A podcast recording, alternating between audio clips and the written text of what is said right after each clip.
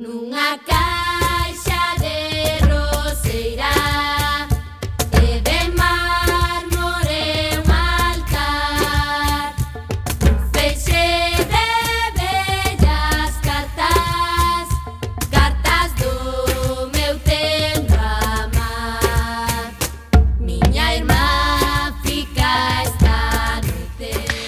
Ola, que tal, recendeiras e recendeiros, benvidas e benvidos a este espazo radiofónico semanal dedicado á cultura que facemos en rigoroso directo todos os martes ás 7 da tarde aquí en Coac FM no 103.4, a radio comunitaria da Coruña.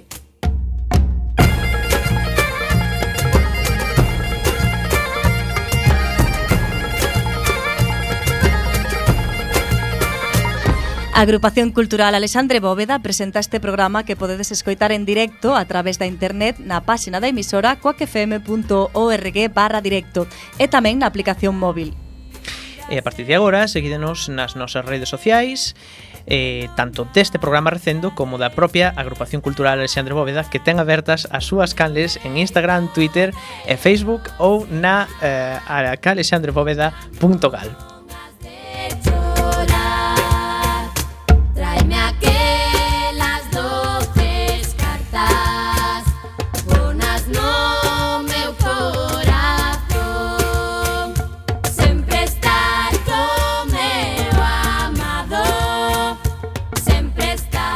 E xa sen máis, imos caralón a procura desta fantástica aventura cultural con Roberto Catoira no control técnico.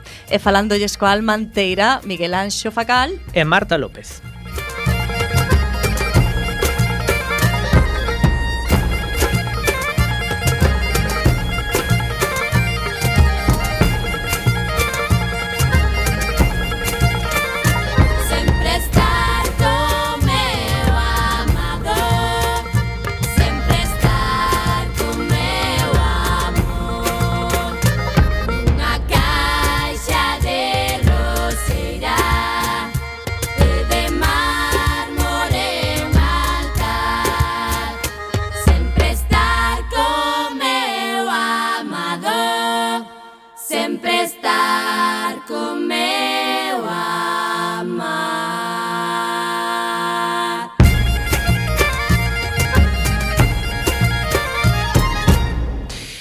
Este é o noso programa número 349. Hoxe o noso programa non consistirá nunha entrevista, senón que excepcionalmente será en forma de debate. A xornada do 8M que acaba de pasar ben o merece. Eh, Cristina Bajo, a nosa corresponsal de feminismo, estará xunto con eh, Hanna eh, Serrapio, Inés Cebreiro, Mar Romero e Sara Lamas. Ose todo o noso programa, por tanto, será unha imensa e intensa sección de feminismo. Pero tamén falaremos das actividades da nosa agrupación e das outras cousas que se fan na Coruña e na Galiza e que tamén son cultura. En canto á música de hoxe, perdón, escoitaremos cancións do disco Espido, editado por Guadi Galego no ano 2005. Presentamos a primeira primeira peza de hoxe titulada Santa Muller, que é a sintonía da nosa sección de feminismo. Hoxe, por fin, podremos escoitala completa.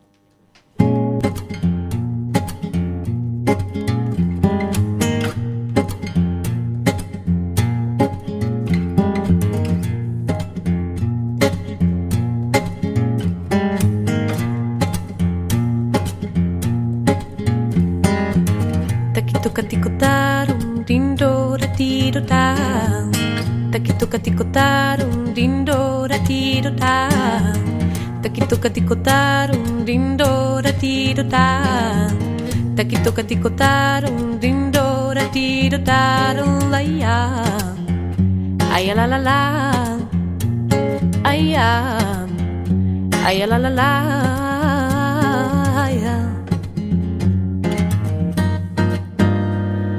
Ai, santa mulher que me escutas Escuita o vento que trae a resposta.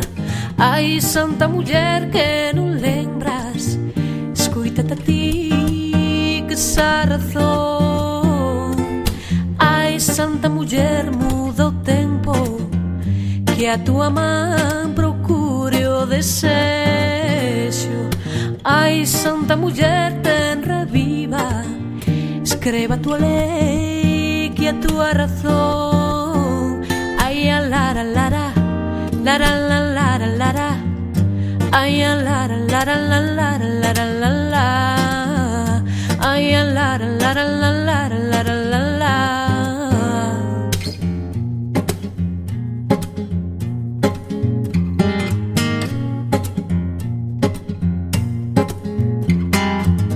Takito Takitokatikotarum dindora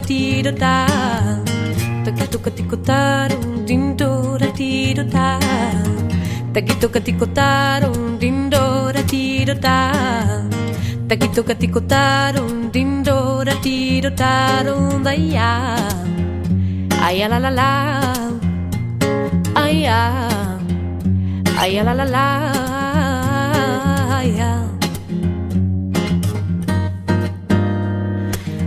Ai, santa muller, santa en vida.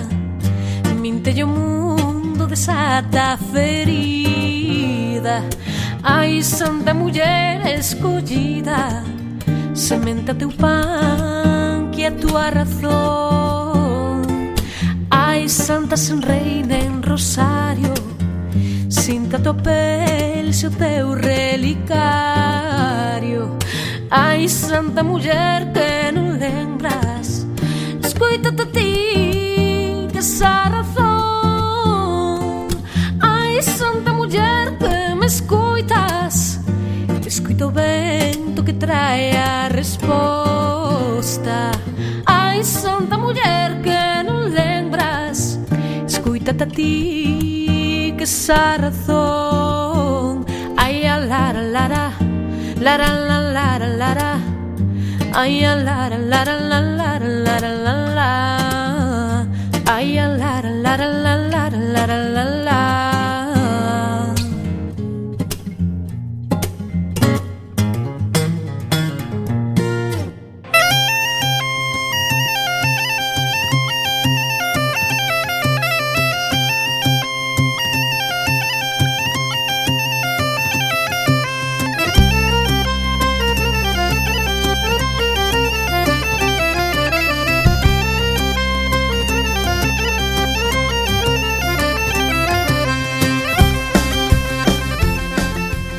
Cando son as 7 e 7 comezamos coa xenda, como sempre, da nosa asociación Alexandre Bóveda.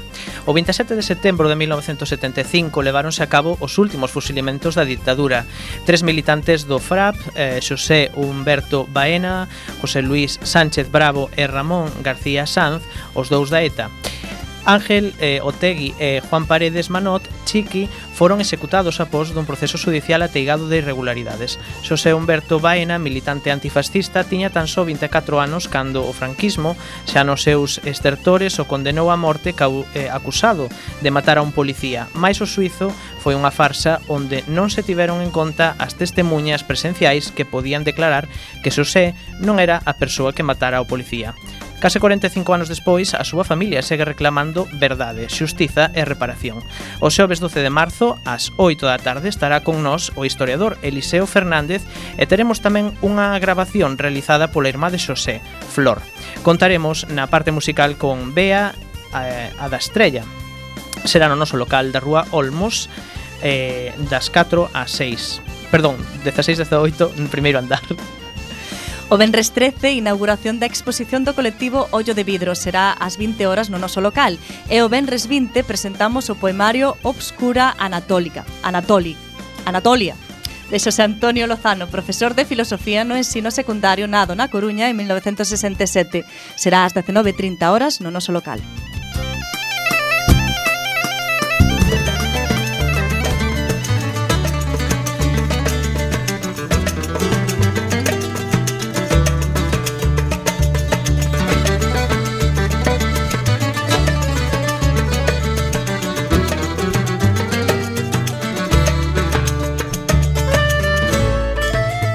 E detémonos agora na Hacienda da Coruña no eido audiovisual. A programación do CEGAI desta semana é netamente feminina, con ciclos como Olladas de Muller, Punto de Vista, Pioneiras ou Fora de Serie. Hai tanto e tan bo que é moi difícil escoller eh, destacar algo. Así que non vos compliquedes a vida, acampade e facedevos fortes no Cegai. O mellor cine feito por mulleres está ali dende hoxe martes 10 ao sábado 14 con entrada de balde en moitas das sesións. Imos ás artes escénicas. Ela é divertida e audaz, unha muller que podría ser calquera, cun marido, unha filla pequena que se pasa o día construindo cousas e un fillo menor que as destrue. Enfrotouse aos teitos de cristal, a un traballo ao que non estaba destinada, a conciliación, a sentirse mala nai e ás pequenas derrotas e vitorias da vida de calquera muller. Pero as cousas non son como parecen, e iso vai cambialo todo, para sempre. Disto trata a obra en castelán Chicas e chicos, protagonizada únicamente por Antonia Paso, da compañía El Sol de York. Será o Benres 13 ás 21 horas no Fórum Metropolitano. A pasada tempada, o Teatro da Abadía estreou con éxito Necrasop, a única comedia escrita por eh, Jean-Paul Sartre. Obra enseñosa e profundamente divertida onde o filósofo francés critica con ferocidade ao cuarto poder e a manipulación da opinión pública con fins políticos ou económicos. Podedes vela o Benres 13 e o sábado 14 ás 8 e media horas no Teatro Rosalía de Castro. Cando aparece a lúa, pouco a pouco toda a cidade se cobre de pequenas luces. Na noite, as rúas baleiras enchense de soños e a lúa enchenos coa súa luz. Os bebés disfrutarán de Luna, esta obra da compañía andaluza Arena en los bolsillos pensada para eles. Esterá o domingo 15 ás 11 media e a 1 horas no Ágora. Onde viven os monstros basease na obra de Maurice Sendak, escritor estadounidense de orixe polaca. É un clásico vixente hoxe en día que plasma con grande expresividade os temores e desexos da nosa máis tenra infancia. A compañía Os Náufragos representa esta obra o domingo 15 ás 12:30 e e ás 6 da tarde no Teatro do Andamio e imos ao eido musical. Aos que tedes unha certa idade, pode que vos soe o seguinte. A mediados dos anos 80 había un grupo que tiña moito éxito chamado Dire Straits e un dos discos máis celebrados daquel grupo foi o seu directo Uncle Me, que aínda é considerado por moitos como un dos mellores discos de rock en directo grabados nunca. A banda tributo Brothers in Band desta mesma cidade reproduce fielmente aquel concerto este venres 13 ás 21 horas no Pazo da Ópera. Esta semana hai un par de concertos de grupos galegos que nos chaman a atención. Boyanca Costova, probablemente o primeiro grupo de trap en galego, actúan este sábado 14 ás 10 en media da noite na Sala Mardi Gras. E xusto ese mesmo día, a mesma hora, os veteranos os resentidos actúan na Sala Garufa Club. A decisión non é doada, amigas.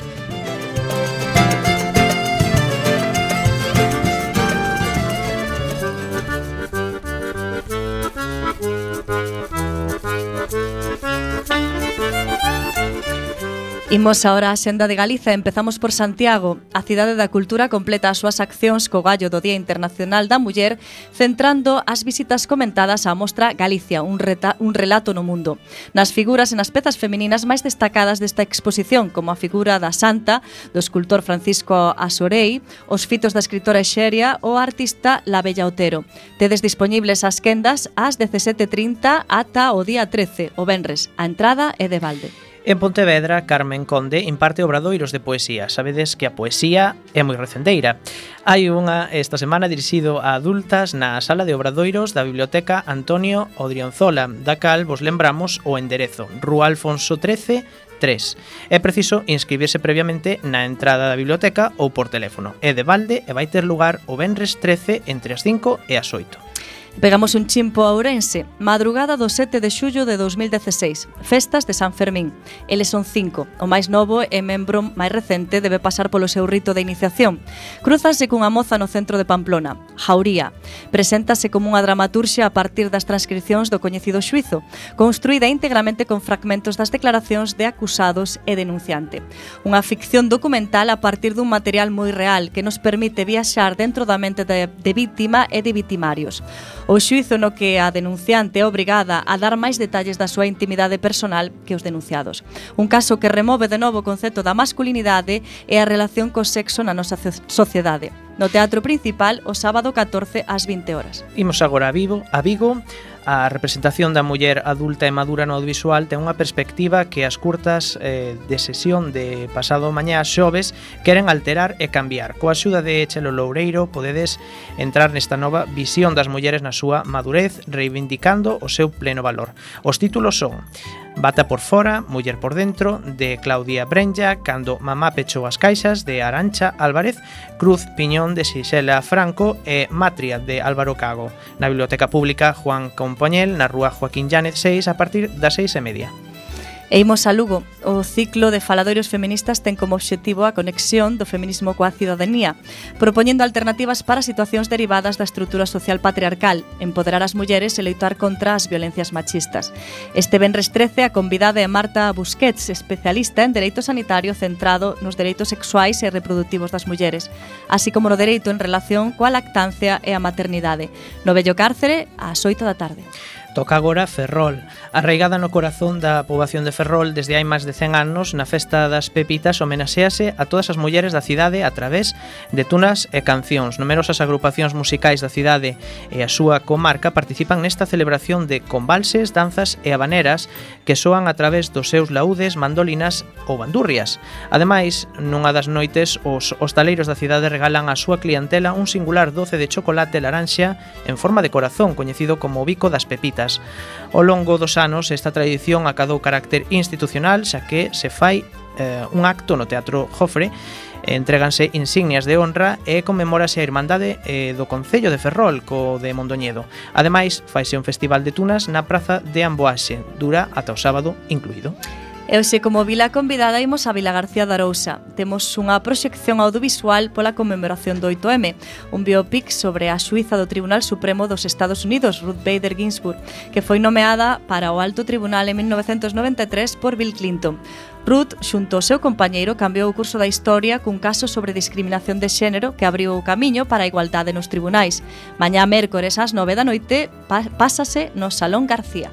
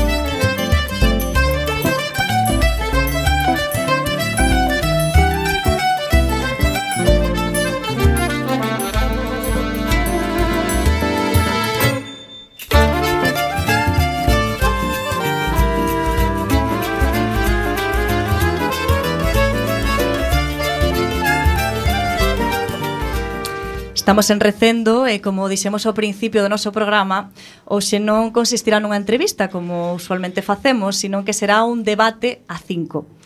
E as nosas convidadas, que xa dixemos quen eran ao principio, que vamos a presentar, son Cristina Bajo Enríquez, eh, parece ser que molesta en todos os espacios de militancia, leal pero non disciplinada. Exfeminista, hexemónica e optimista grazas ás nosas xeracións e á xente que escoita. Debate está aberta a revisar conceptos e estrategias. Tamén teremos a Inés Cebreiro López, graduada en Educación Infantil e cursando un mestrado en Política Social e Intervención Comunitaria pola rama encaminhada a especialización en materia de xénero.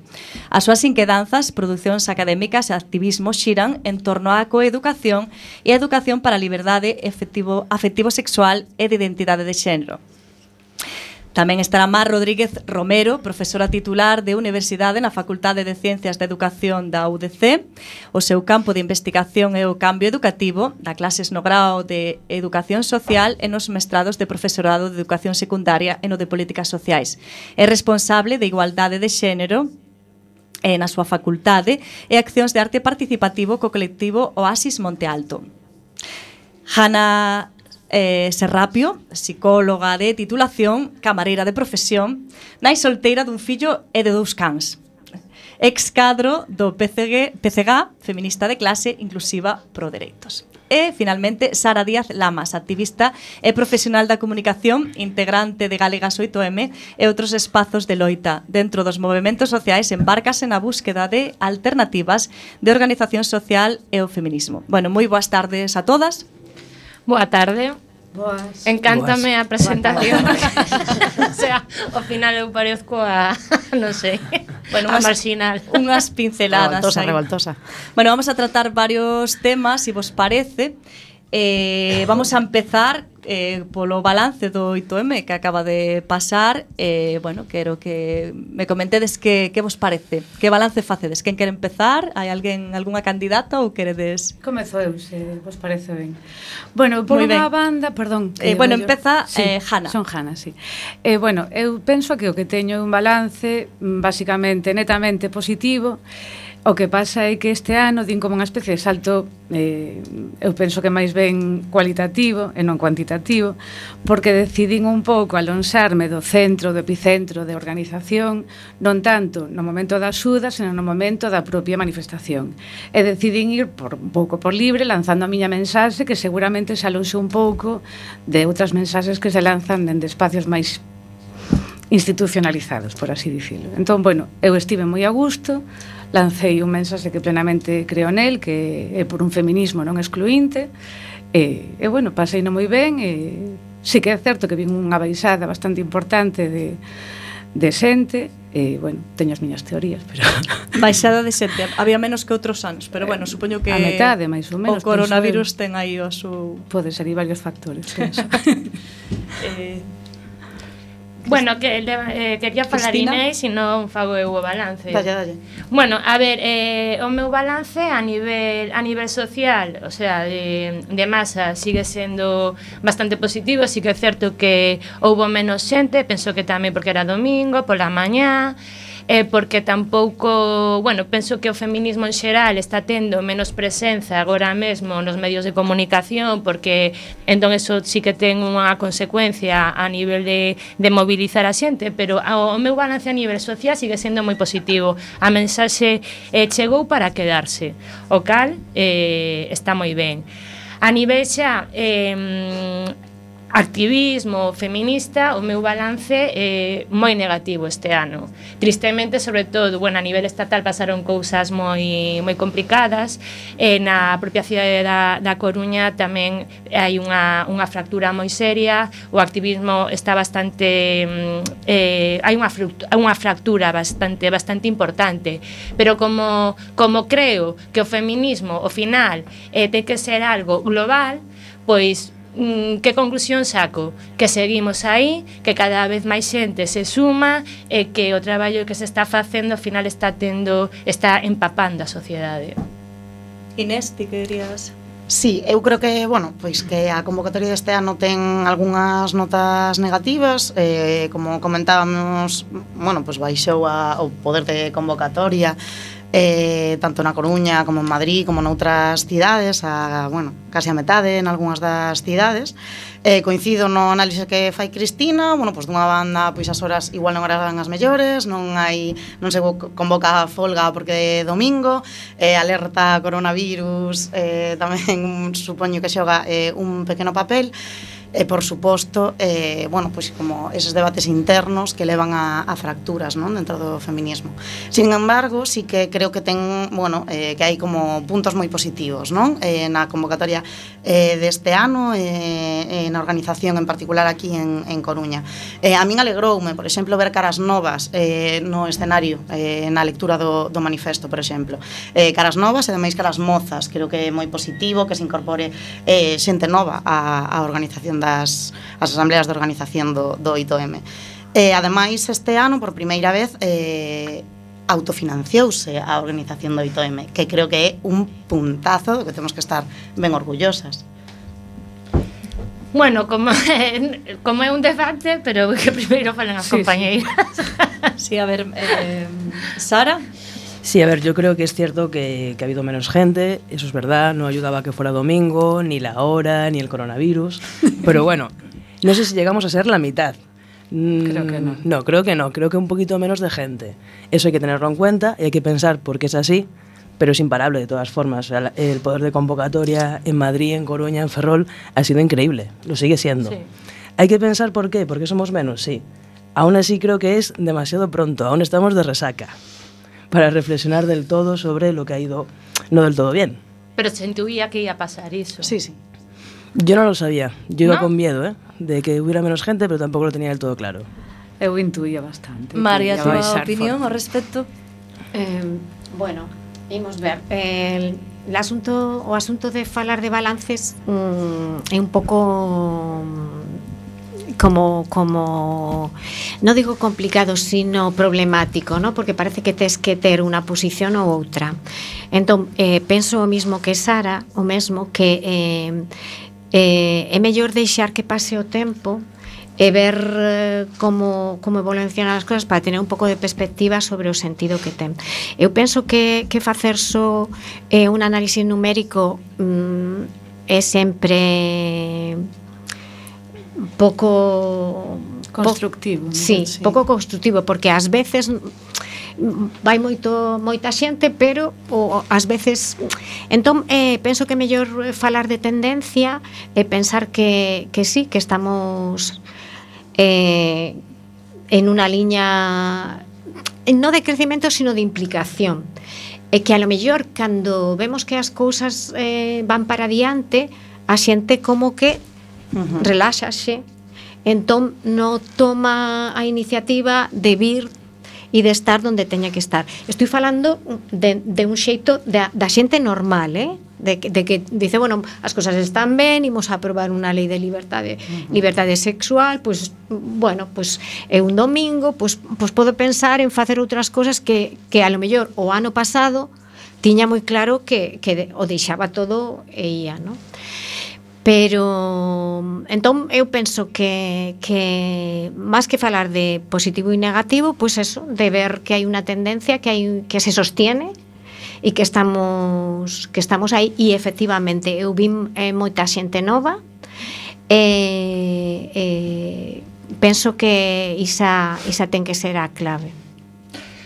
Sí, bueno, non sei. Eh, eu, por exemplo, respecto a, a xente nova, eh, sí que é certo que, eh, a diferencia de fai 3-4 anos, hai moitísima máis xente nova implicada, pero tamén hai moita menos xente nova implicada que fai un ano ou dous.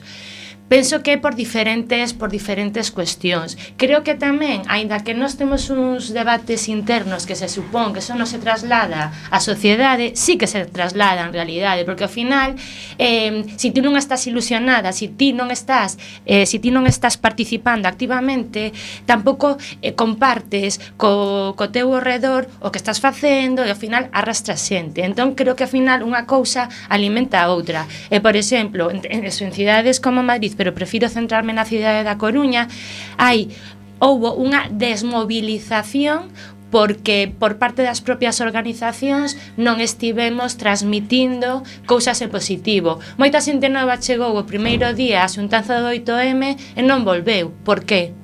Mm. E logo, outra cousa tamén, eh, creo que como agora estamos nun momento onde se está ideoloxizando moito o feminismo, outra vez tamén eso tamén nas familias, moitas veces xenera incomodidade, o sea, penso que que hai dúas líneas que fixo que moita menos xente fora fora a manifestación. Por unha parte, a xente nova que non se sinte partícipe e outra xente que por, o aprobar, por exemplo, esta lei que está xenerando tanta controversia tamén como que vuelve a incomodar o, o, o termo feminismo. Non sei que pensades. Eh, sí, Que cre- ti, ti. sí, creo que es muy interesante el punto que comentas de la juventud en las asambleas, porque es cierto que la media de edad en asambleas de organización de la plataforma Galega Soy M yo creo que supera los 50 años, cosa que es maravillosa también, pero yo también me pregunto por qué no llegamos a la juventud. Y para mí, no sé qué pensáis de esto, es que nos resulta muy complicado ceder espacio en la asamblea.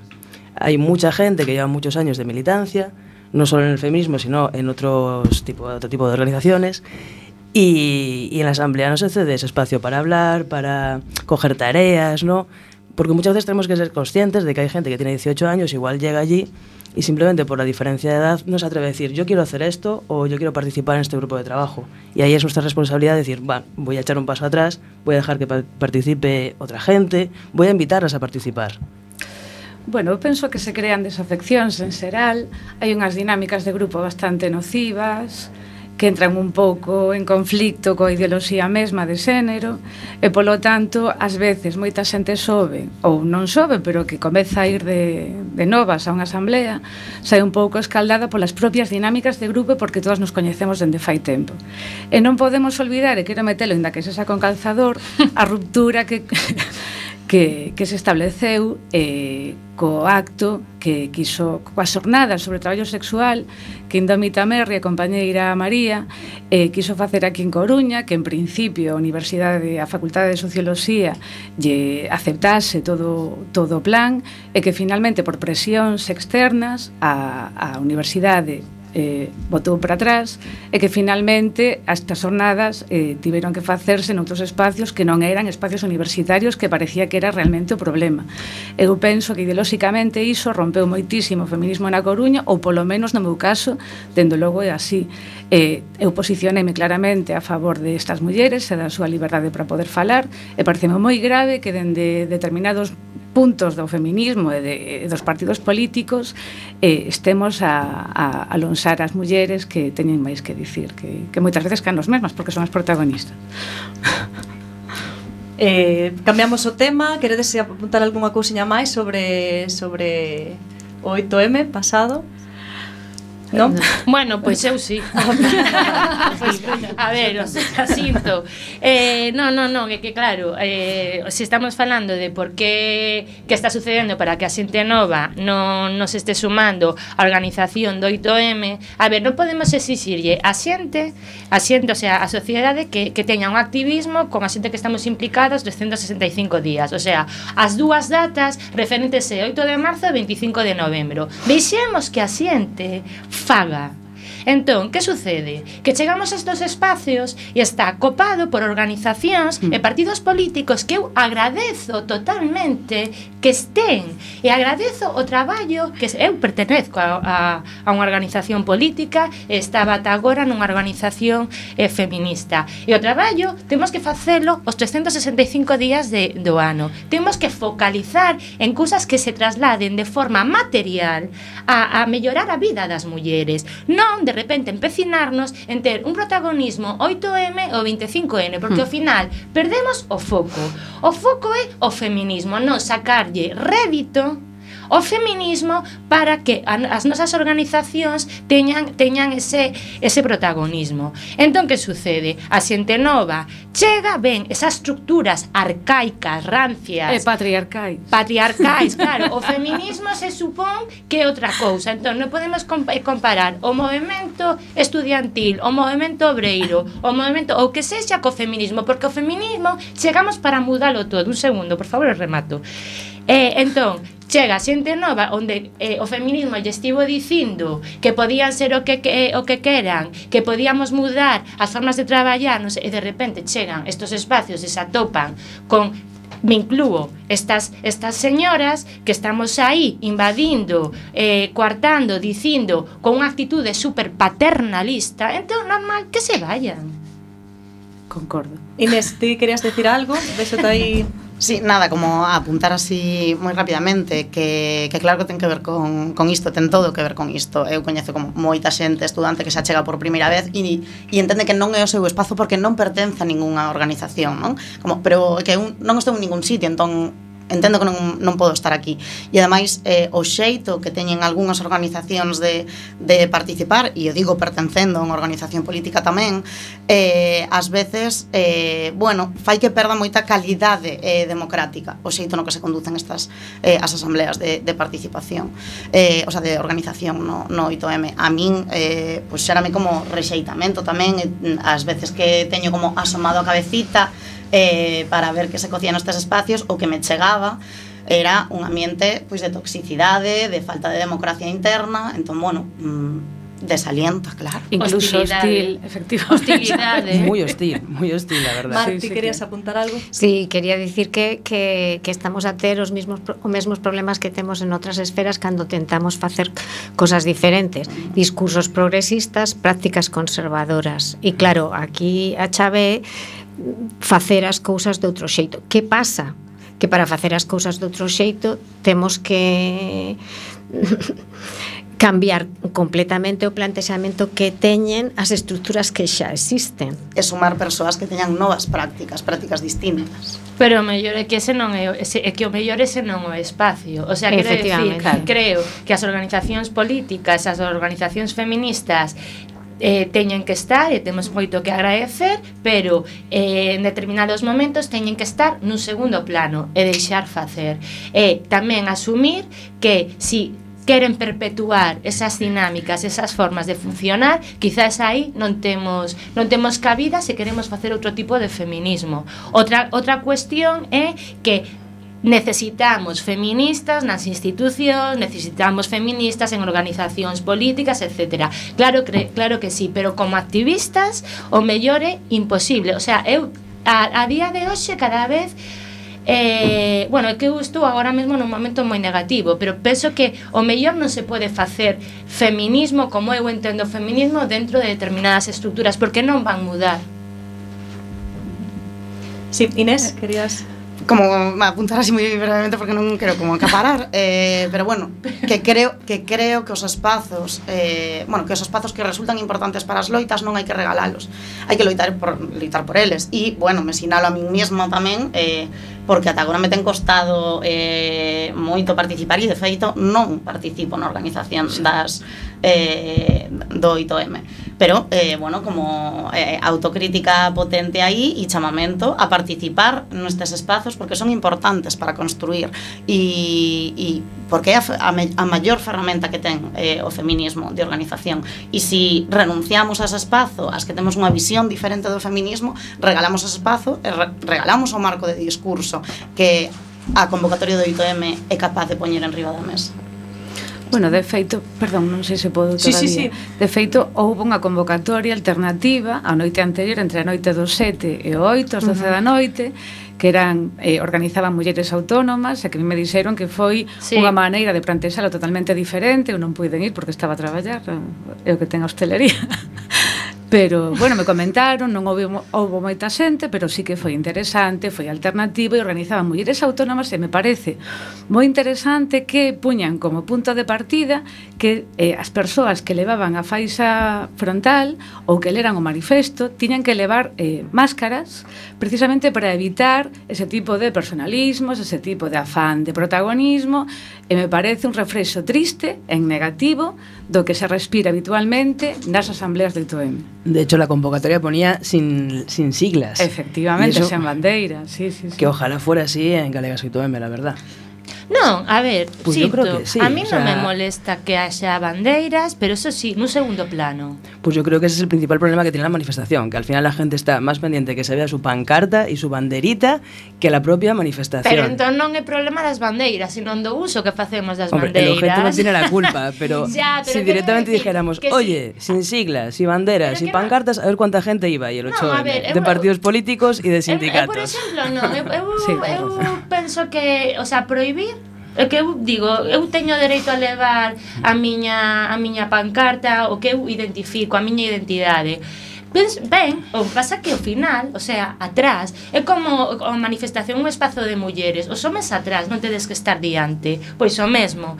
Eh, eh, a ver, dándoche a razón, para que imos forzar que o mellor mm, eso sexa un motivo para todavía máis fractura. O problema é a apropiación de espacios, quero sí. dicir, non son os espacios dos sindicatos nin os dos partidos políticos. E non van detrás, además, eh? E non van detrás. Porque van na segunda línea. Son moi línea. invasivos, moitísimas bandeiras, moitísima visibilidade, finalmente, ademais, as mulleres que portan a pancarta habitualmente pertencen, e por iso pelexan para levar a, Exacto. a faixa dianteira, pertencen sí. a, a organizacións políticas que moitas veces, nin sequera nas asambleas, puntualízase ese pequeno detalle, que eu non solamente, por exemplo, veño, imos poñer un exemplo como representante de PFG, sino que ademais teño un postiño ou teño un interese detrás dun X partido político. Son moitas veces incluso chegamos ao punto de, bueno, non plasmalo na, na na acta da Asamblea me parece gravísimo e moi significativo, porque por que hai ese afán entón? Se non hai realmente detrás intereses, por que non se explicita? Claro, non creo que haxa que esconder estas cousas, nin que deban deixar de participar as organizacións eh, políticas ou os sindicatos.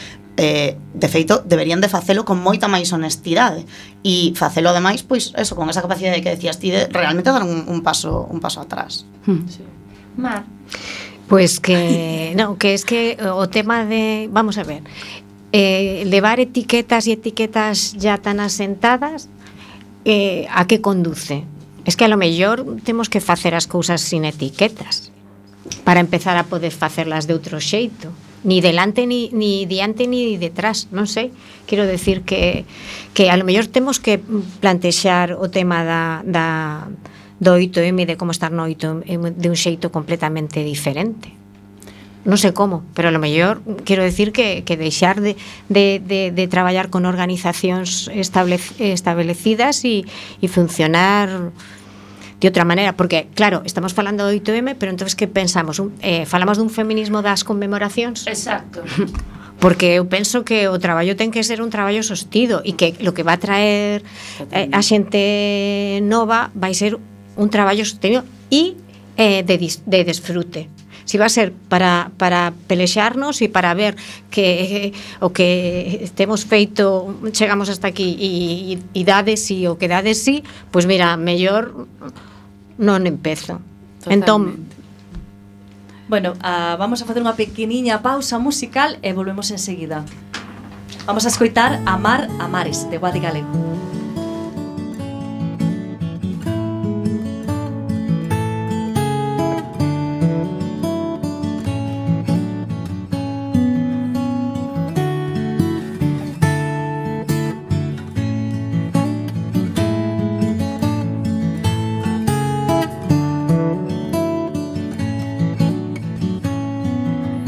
jugar, perder, pagar.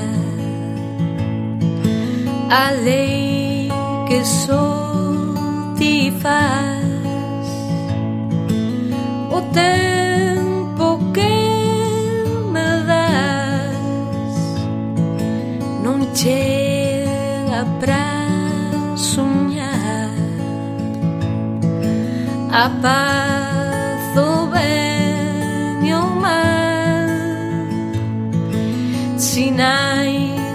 sol.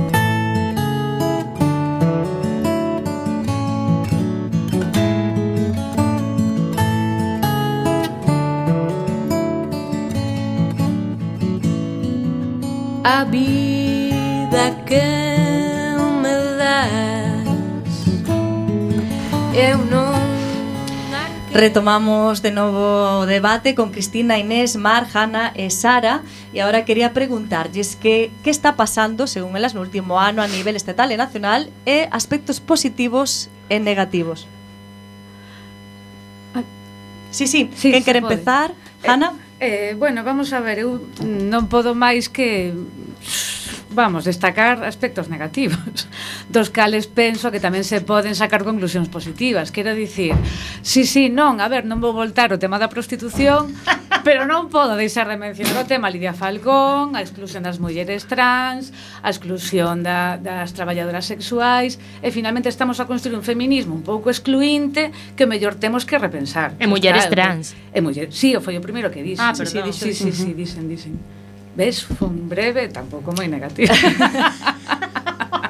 a ver, que máis quero opinar? Claro, eu creo que ese como un dos retos importantes que, que afronta agora mesmo o feminismo, non? Eh, eu creo que o problema non, en, non é que haxa debate, os debates son positivos, o que pasa que estamos afrontando os debates dun xeito extremadamente virulento, eh, que nos levan a sitios realmente improductivos que pasan non por pensar estrategias a futuro, senón por, is, por excluir porque mm, hai, como sinto que hai unha parte do feminismo que eh, se sinte atacada eh, cando eh, se abre a man de como construímos feminismo, de con que estrategias eh, vamos a afrontar a futuro o feminismo, e isto ten algo, eh, ten unha componente como de medo, eh, e ademais como de medo ante o ataque a unha identidade e que eu sinto que leva eh, todavía como artellando a miña loita e que a miña loita non pode ser dende outro sitio que non sexa esta identidade forte, pechada Non deixa de ser clasismo, perdoa que che corto un, claro. un segundinho, para min é clasismo.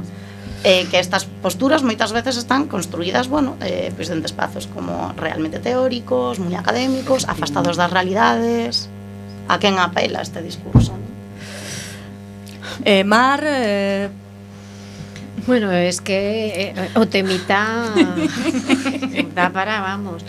E, e bueno, decís nacional, pero eu penso que, que este problema é un problema que ten agora mesmo o feminismo de xeito global, non vou decir universal porque eh, a terra é eh, a terra e non creo que por aí fora estean con estos temas, pero que, que, que sucede que eh, eu penso que varias cousas que temos un, unha diversidade mm, eh, de paradigmas e de maneiras de pensar eh, moi moi moi variada e que e que hai un conflito moi grande a nivel académico eh, entre escolas que interpretan lo que ten que ser o feminismo dun xeito radicalmente diferente.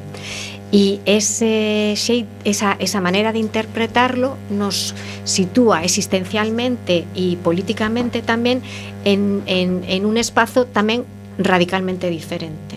Entón, eh, hai como eh, si fora unha necesidade de eh, facernos preguntas dun xeito completamente distinto a, a hasta do xeito que, que temos feito esas preguntas agora mesmo, pero non somos capaces de facerlas de tal modo que xeneremos un diálogo e que xeneremos hmm. confluencias. Entonces, as preguntas que se fan son preguntas que se fan dende o binarismo.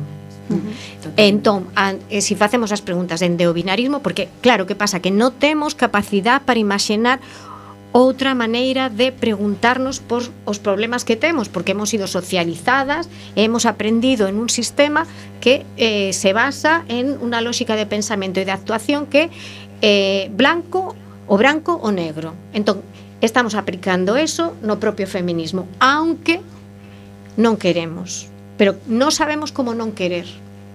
Entón, eh, temos que hacer un esforzo eh, existencial, intelectual e político como para sair de esa maneira de razoar e atoparnos en un espazo que aínda non sabemos como construir, pero que temos que saber como construir. Entón, eu penso que unha das cousas que temos que facer é em, empezar a loitar por non plantexar as cousas por eh, positivo, negativo, branco, negro, ou estou en contra desto ou estou a favor desto. Isto temos que, que, que, que acabar con eso. Cristina? A ver, eu totalmente de acordo con co que estás dicindo, Mar. A, eh, para min o, o, eh, o estaba pensando cando cando collín o coche agora pola tarde, me imaginaba eso, eh, a carreteira, a autopista e o feminismo fondo, non? Entón, claro, parece como que sí que todos eh, todas as que estamos temos un obxectivo común. Que pasa? Que hai xente que colle a autopista, va nesa liña e de repente se despreocupa o mellor de sair por outras por outras carreteras e de repente ir por esas carreteras te va a permitir ver outra realidade necesidades e recollendo outras sensibilidades, outras necesidades. Eh, ese para min é o problema. A, a nivel teórico, claro que eh, temos que dar as gracias a esta xente que ven da academia, que conceptualizou perfectamente. Xa sabemos que, que para politizar hai que conceptualizar ben. Sí, é moi necesario. Que sucede? Que o problema que están nunha, digamos que están nun desconectadas da, da realidade da imensa maioría das mulleres. Entón, o debate da prostitución é moi importante, pero mira, primeiro temos que dar resposta á realidade destas mulleres que son migrantes, que se ven abocadas moitas veces a situacións de trata, etc. etc. Eso, di, non nos preocupa xa, pero ti como solamente queres chegar a abolir, abolicionismo, abolicionismo, abolicionismo, non ves nada máis e ignoras as realidades. Ignoras as realidades das mulleres racializadas, ignoras as realidades da xente obreira, porque o sinto gusta moito, ti estás nun estatus que non é o da maioría das mulleres. Entón, a mí moléstame moito que ao final parece que estamos falando, o sea, que o feminismo é o tema do abolicionismo das mulleres trans. Elas marcan a xenda, elas marcan o discurso, elas marcan os debates. Mira, é que eu quero construir dende o, femi dende o feminismo. Claro que está ben debatir, pero aterricemos, por favor. O que temos é que aterrizar. Eu lembro fai Cando cheguei a Coruña fai 6-7 anos, como mulleres moi diversas, estábamos traballando conxuntamente porque había un señor Gallardón que quería modificar unha lei de aborto. E aí fixemos moitísimas cousas e deixamos un lado esas diferencias. De repente, claro, cando o feminismo se pon de moda, aí é cando ves que ti lle podes empezar a sacar rentabilidade. Entón se empezan a marcar esas diferenzas e de repente obviamos. E que eu o que vexo é que por unha parte está a parte académica que está completamente desconectada coa xente máis nova e coa realidade da maioría das mulleres, dos coidados, do, do que te tes que enfrentar, das familias mo, monomarentales, de, das mulleres que son vítimas de violencia, o sea, cantas mulleres están sendo asesinadas e nós debatindo aquí sobre a prostitución, e si, e si existe a realidade trans, ti quen es para negar unha identidade, o sea, é como que ao final se perde, se perde obxectivos, se perde a conexión, porque están simplemente en unha autopista a 140 sin fixarse o que está sucedendo alrededor e sin querer investigar outros camiños. E xa está. Inés, querías apuntar algo? Mm, sí, eh, claro, o sea, concordo eh, como con esa metáfora non que, que faz da, da autopista. Moi cutre. Eh, nah, bueno, bien, nos vale, yo recojo moi visual, es moi eh, visual. eh, sí, eh, o que pasa que creo que ás veces non temos tan tan claro cal é o obxectivo que está ao final da carretera.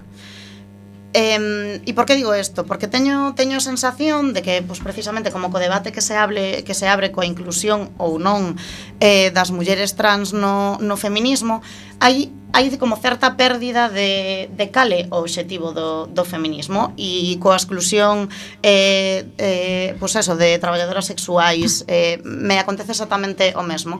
Teño a sensación de que se nos olvida que é eh, o final do camiño. Para min o final do camiño é que todas as mulleres sexamos contempladas antes como cidadás que como mulleres. E para min iso pasa por ampliar o suxeito do que se considera muller. Exacto. Entón, un corpo trans eh, é un corpo de muller, é que quero decir, ou non. Sí, sí. O sea, quero decir, claro, que é como diversidade total absoluta, que cada quen se sinta é sexa o que quera ser. Correcto. E, bueno, e co feminismo, co feminismo hai un pouco o mesmo, non? Como ese medo a perder a, a pureza, eh, porque eh, a sexualidade se sacraliza, eh, hai un certo como incluso chega a haber como un certo paternalismo, non, en en todos eses discursos. E a herdanza judeocristiana que tamén nos Sí, a, mor a moralidade, non? Efectivamente. Entón, bueno, eso, que creo que neste que neste camiño vamos perdendo un pouco o obxectivo que é a ampliación de dereitos, ser consideradas como cidadás. Entón, creo que temos que empezar a, a desvestirnos desas identidades que me fan creer que ser unha boa feminista é ser unha feminista abolicionista. Bueno, pois pues, eh, igual ser unha feminista mm, no 70 era ser unha feminista abolicionista. Creo que hai que ter como moito cuidado con isto de que é ser unha boa feminista e eh, cale o que eh, eleximos como obxectivo eh, final o final desa carretera. Bueno, estamos, nos quedan nada, ah. uns minutiños e entonces ahora brevemente cada unha de vos eh, me gustaría que me falarades de estrategias futuras. Eh, quen quere empezar? así brevemente, nos eu, quedan sí, tres, nin tres minutiños, dous minutiños. Nada, moi brevemente. Eu penso que illar o feminismo é un erro e que o mellor o futuro e temos que basalo en atravesalo polas circunstancias que efectivamente así nos amos a historia co que, coas que se atravesa, por exemplo eh, a cuestión de clase, a cuestión territorial a cuestión racial e solamente así penso eu que sairemos un pouco deste illamento que finalmente con este empecinamento en determinadas cuestións estamos a converter o feminismo en algún pouquiño. Bueno. Mar? Ou, eh, sí, perdón. Nada, que penso que mm, o feminismo os feminismos eh, é eh, un proceso en construción, que eso de pensar que temos un obxectivo final, non eu penso que o obxectivo ten que ir construíndose sobre a base das condicións que, que, que se dan que eh, o tema do, do, do final ten que ser un final sobre o presente. Es que dame igual que dentro de dous séculos se consiga eso, no? Temos que traballar no contexto de agora eh, pensando no futuro, pero con unha vivencia que sea de disfrute da vida para as mulleres que estamos agora e tamén de imaginación do que podemos ter. Pero, pero ten que ser un feminismo do presente.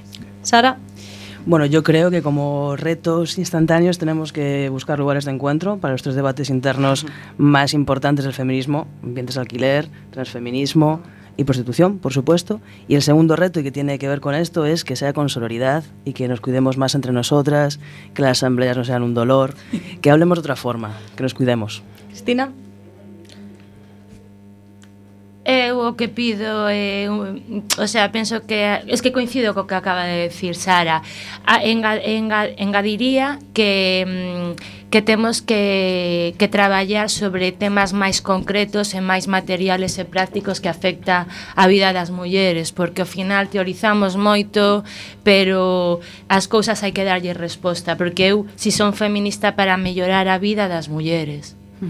Inés Pois concordo bastante con todas con todas vos. Eu tal vez engadiría como, como reto maiores dos que xa expresaxedes eh, facer un feminismo inclusivo que inclúa tamén aos homes. E me refiro, conseguir poñer en riba da mesa un discurso que faga aos homes sentirse apelados, eh, non sempre sinalados e culpabilizados. Eh, mm, facer entender que o feminismo eh, é tamén un, salva, un salvavidas a masculinidade tóxica que xera moita dor tamén eh, nos, nos homes. Ah, bueno, pois pues, nos quedamos sin tempo. Moitísimas gracias a todas gracias. por foi un debate Moitas que daría gracias. para moitas horas, gracias, Linda. pero por desgracia isto se remata. Bravas todo bien, sí.